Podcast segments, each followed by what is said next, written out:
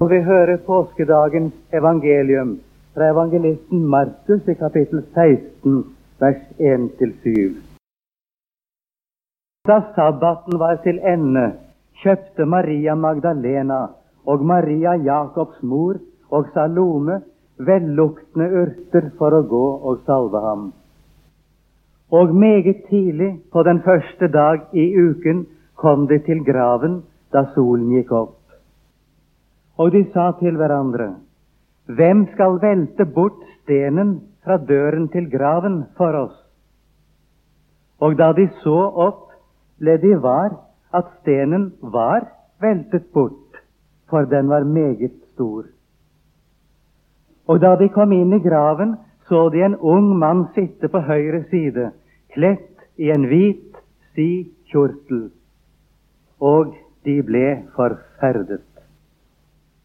Men han sier til dem, forferdes ikke. Jeg vet at de søker Jesus fra Nasaret, den korsfestede. Han er oppstanden. Han er ikke her. Se, der er stedet hvor de la ham. Men gå bort og si til hans disipler og til Peter at han går i forveien forræder til Galilea. Der skal I se ham. Påskens budskap er at Jesu grav er tom. Det er ikke en psykologisk, åndelig oppstandelse hos disiplene som ligger bakom uttrykket Jesu oppstandelse. Man taler i dag om den historiske Jesus som en som er forskjellig fra den Jesus som blir fremstilt for oss i Det nye testamentet. Man sier det at det er menighetens tro vi møter i Det nye testamentet. Det er ikke den historiske person. Vi må skjelne mellom den Jesus som virkelig levde, og den Jesus som fremstilles i Det nye testamentet. For det er den Jesus som ble forkynt i menigheten vi har i Det nye testamentet, og det er ikke historisk. Så sier man da at oppstandelsen det er altså menighetens uttrykk for den syn på Jesus. Det er, for å si det uten omsvøp, ganske forferdelig. Det er ganske uhyggelig med en slik lære. Jeg betenker meg ikke på å si at det er hva Bibelen kaller en annen Kristus man prøver på å forkynne. Og dere husker hva apostelen sier? Om det så er jeg selv, ja, en engel fra himmelen, som forkynner en annen Kristus enn den som vi har forkynt, han være forbannet. Og denne tale, den slår seg selv på munnen. Vi hører i ord i dag om noen kvinner som ikke er innstilt på noen oppstandelse, men de er innstilt på en grav og inni den graven er de innstilt på å finne et lik av ham som de elsket. De måtte holde seg i ro over sabbaten. Det var en stor sabbat, som det ble kalt i Israel, og det var særlige forskrifter for den sabbaten i påsken. Men så snart den var til ende, dvs. Si klokken 18, da var den til ende. For døgnet ble regnet fra klokken 18 dagen før til klokken 18 den dagen. Akkurat som vi har julaften. Vi har det på samme måte, men julaften begynner jo egentlig klokken 18 dagen før juledag.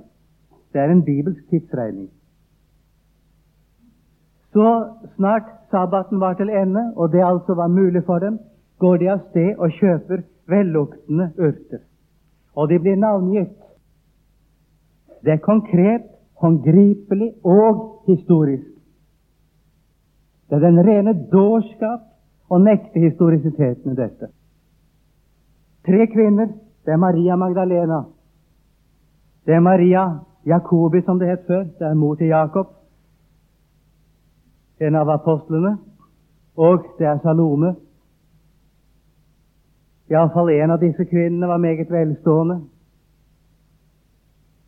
De kjøpte disse kostbare urtene. De går av sted så tidlig som det er mulig om morgenen på den første dag i uken. Det ble for sent etter at sabbaten var slutt, Men de, så er de oppe og går så tidlig det lar seg gjøre. Og de venter, som sagt, å finne en grav, og de venter å finne en sten. og Det er visst ikke riktig gått opp for dem før de er der borte at Men hvem skal velte bort stenen fra graven for oss? Jeg syns jeg hører de sier til hverandre, men det har vi jo ikke tenkt på.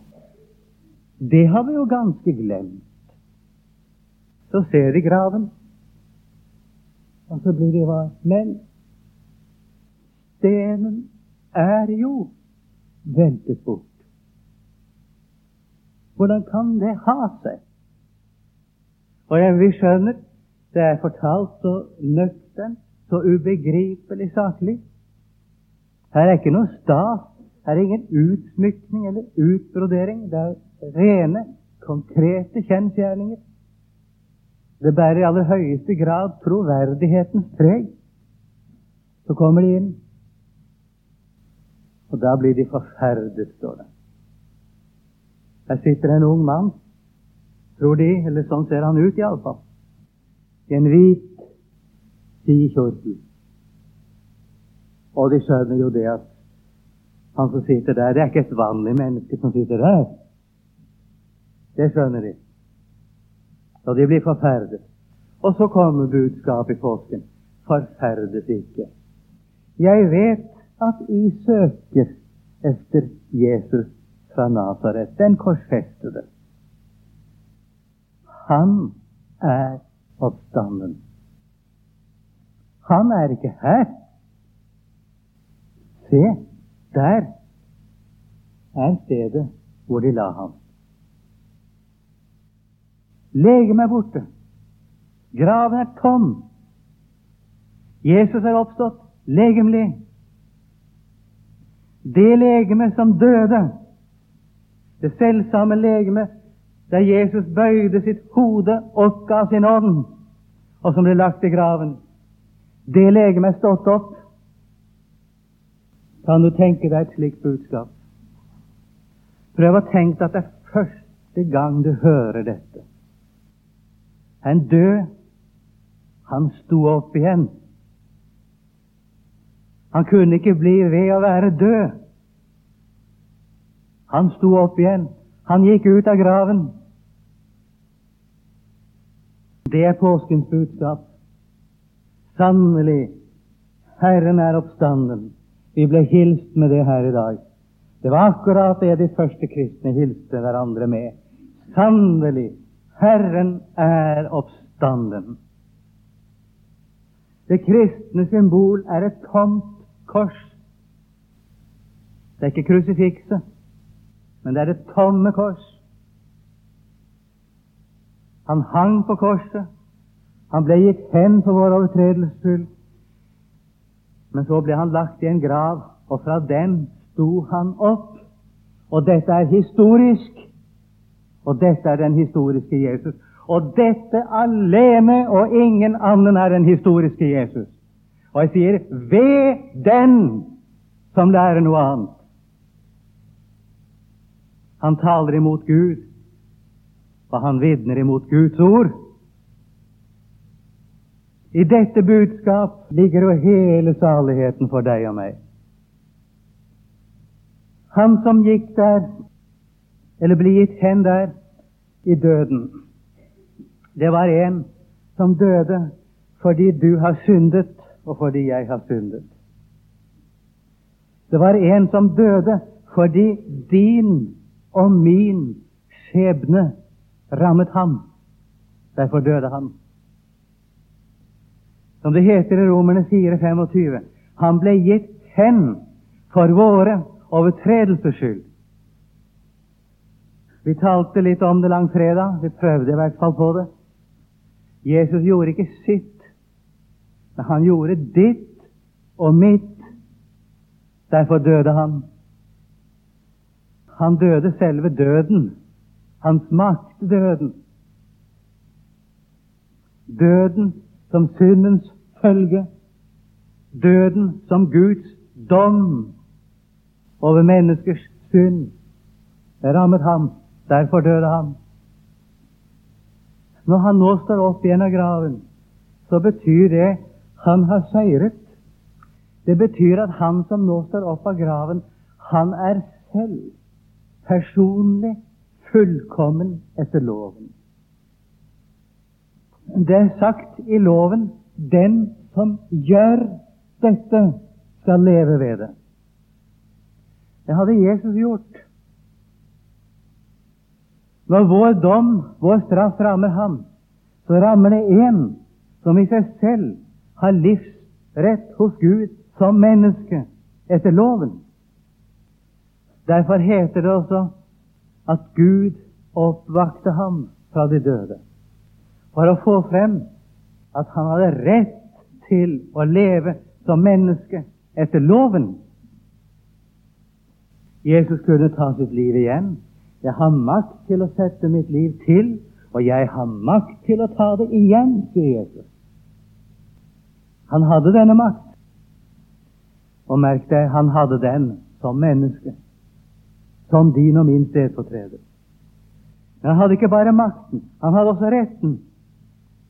Den rett som tilkommer den som er det som mennesket skal være etter Guds hellige lov. Og i og med Jesus da står opp fra graven, legger han for dagen en rettferdighet som menneske. Og den rettferdigheten tilhører deg og meg. Igjen skal du være klar over Jesus gjorde ikke sitt. Han gjorde også her ditt og mild. Han ble oppreist til vår rettferdiggjørelse. Det er et vidunderlig budskap. Det betyr at i kraft av Jesu Kristi oppstandelse har vi syndenes forlatelse for Jesu Kristi skyld. Jesu Kristi forsoning er godtatt. Den er gyldig. Men han er rettferdiggjort fra våre synder. Når vi synger i en salme Og i din grav i haven, der er min synd begraven til evig skjul og hjemme, er det bokstavelig talt sant etter Guds ord. Han er rettferdiggjort fra den synd som han ble tilregnet. Og denne rettferdighet er din, og den er min. Min rettferdighet overfor Gud, sier Luther, er ikke et ubestemmelig noe, men en person. Og det er en person som i alle deler er det jeg skulle ha vært, men ikke er. Dette er påskens budskap til deg. Dette er historisk. Dette er evangeliet. La hvem som helst si hva som helst annet. Dette er Guds ord. Og dette er sannheten. Jeg kan altså vite at jeg får syndenes forlatelse fordi Jesus sto opp av graven for meg. Men jeg vil nevne litt mer. Det står videre om betydningen av Jesu oppstandelse. Ettersom døden er kommet ved et menneske, og der er ordet 'menneske' betonet i 1. Korintene 15, 21. Det er ikke som i Romerne 5,12, hvor ordet 'ett' er betonet, men her er ordet 'menneske' betonet. Ettersom døden er kommet ved et menneske, er òg de dødes oppstandelse kommet ved et menneske. Like som det var et menneske som brakte døden inn i verden, er det et menneske som også har seiret over den. De dødes oppstandelse er kommet ved et menneske. Og dette mennesket er Han som sonet våre synder, og som er din og min stedfortreder. Vi unngår ikke den legemlige død, som vi var så vidt inne på skjærtorsdag. Legemet er vel Gud dødt på grunn av synd, men ånden er liv på grunn av rettferdighet for oss som tror på Jesus. Vi unngår ikke den legemlige død, men du skal vite én ting. Når du møter denne siste fiende, som døden kalles, møter du en beseiret motstander. Og du møter ingen andre i døden enn din egen frelse. Jeg glemmer ikke da jeg var hos min mor siste gang, noen få timer før hun skulle forlate denne verden. Hun sa det til meg at i dag skal jeg få flytte, for hun hadde bedt Jesus om det. Og hun hadde fått svar at hun skulle få flytte. Jeg visste at hun kom til å flytte den kvelden. Hun fikk se Jesus allerede før hun sluknet. Det er vidunderlig. Det viser seg at det holder. Jeg er oppstandelsen og livet. Den som lever og tror på meg, skal aldri i evighet dø. Tror du dette, spør Jesus. Ja, jeg tror det. Jeg tror på denne frelse. Det gjør jeg. Om jeg ikke makter det som jeg ville. Jeg tror på ham. Han har seiret over døden. Vi har vel et budskap, vi som tror på Jesus. Vi har vel et budskap. Ordene blir bare så fattige når en skal prøve å forkynne det. Endelig så sier ordet Jeg siterer nå fra Efeserbrevets annet kapittel, fra vers 4 til 7. Men Gud, som er rik på miskunn, har for sin store kjærlighets skyld, som Han elsket oss med, gjort oss levende med Kristus. Enda vi var døde ved våre overtredelser. Av nåde er i fred. Og oppvakt oss med Ham og satt oss med ham i himmelen i Kristus Jesus. Der hører du hva Jesu oppstandelse betyr.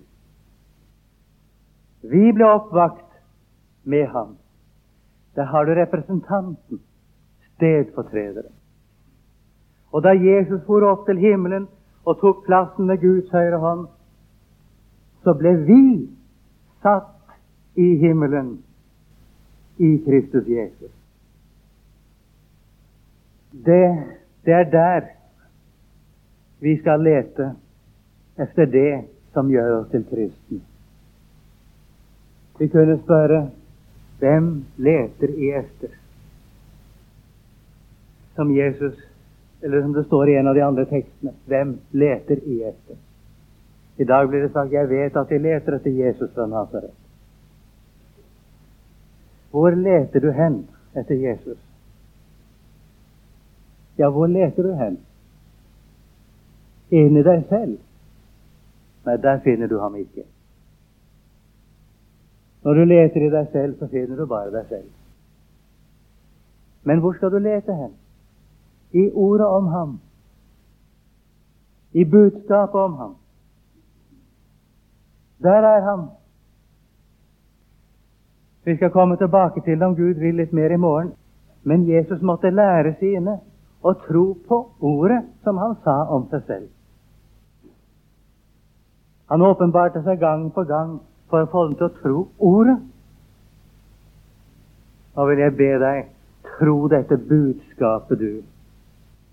Hvem du nå er, og hva du har gjort i ditt liv. Tro på dette budskapet. Du har en representant, du også, ved Faderens høyre hånd, som er det som du skulle ha vært, men ikke er. Det er han. Det gjelder akkurat for Gud som du skulle ha vært det. Din rettferdighet for Gud som min er ikke et ubestemmelig noe, nei, men en person. Derfor skal vi bli salige for hans skyld.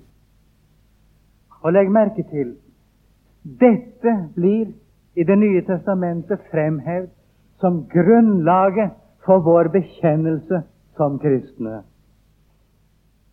Eftersom vi har en stor ypperste prest, står det, som er gått gjennom himlene, så la oss holde fast ved bekjennelsen.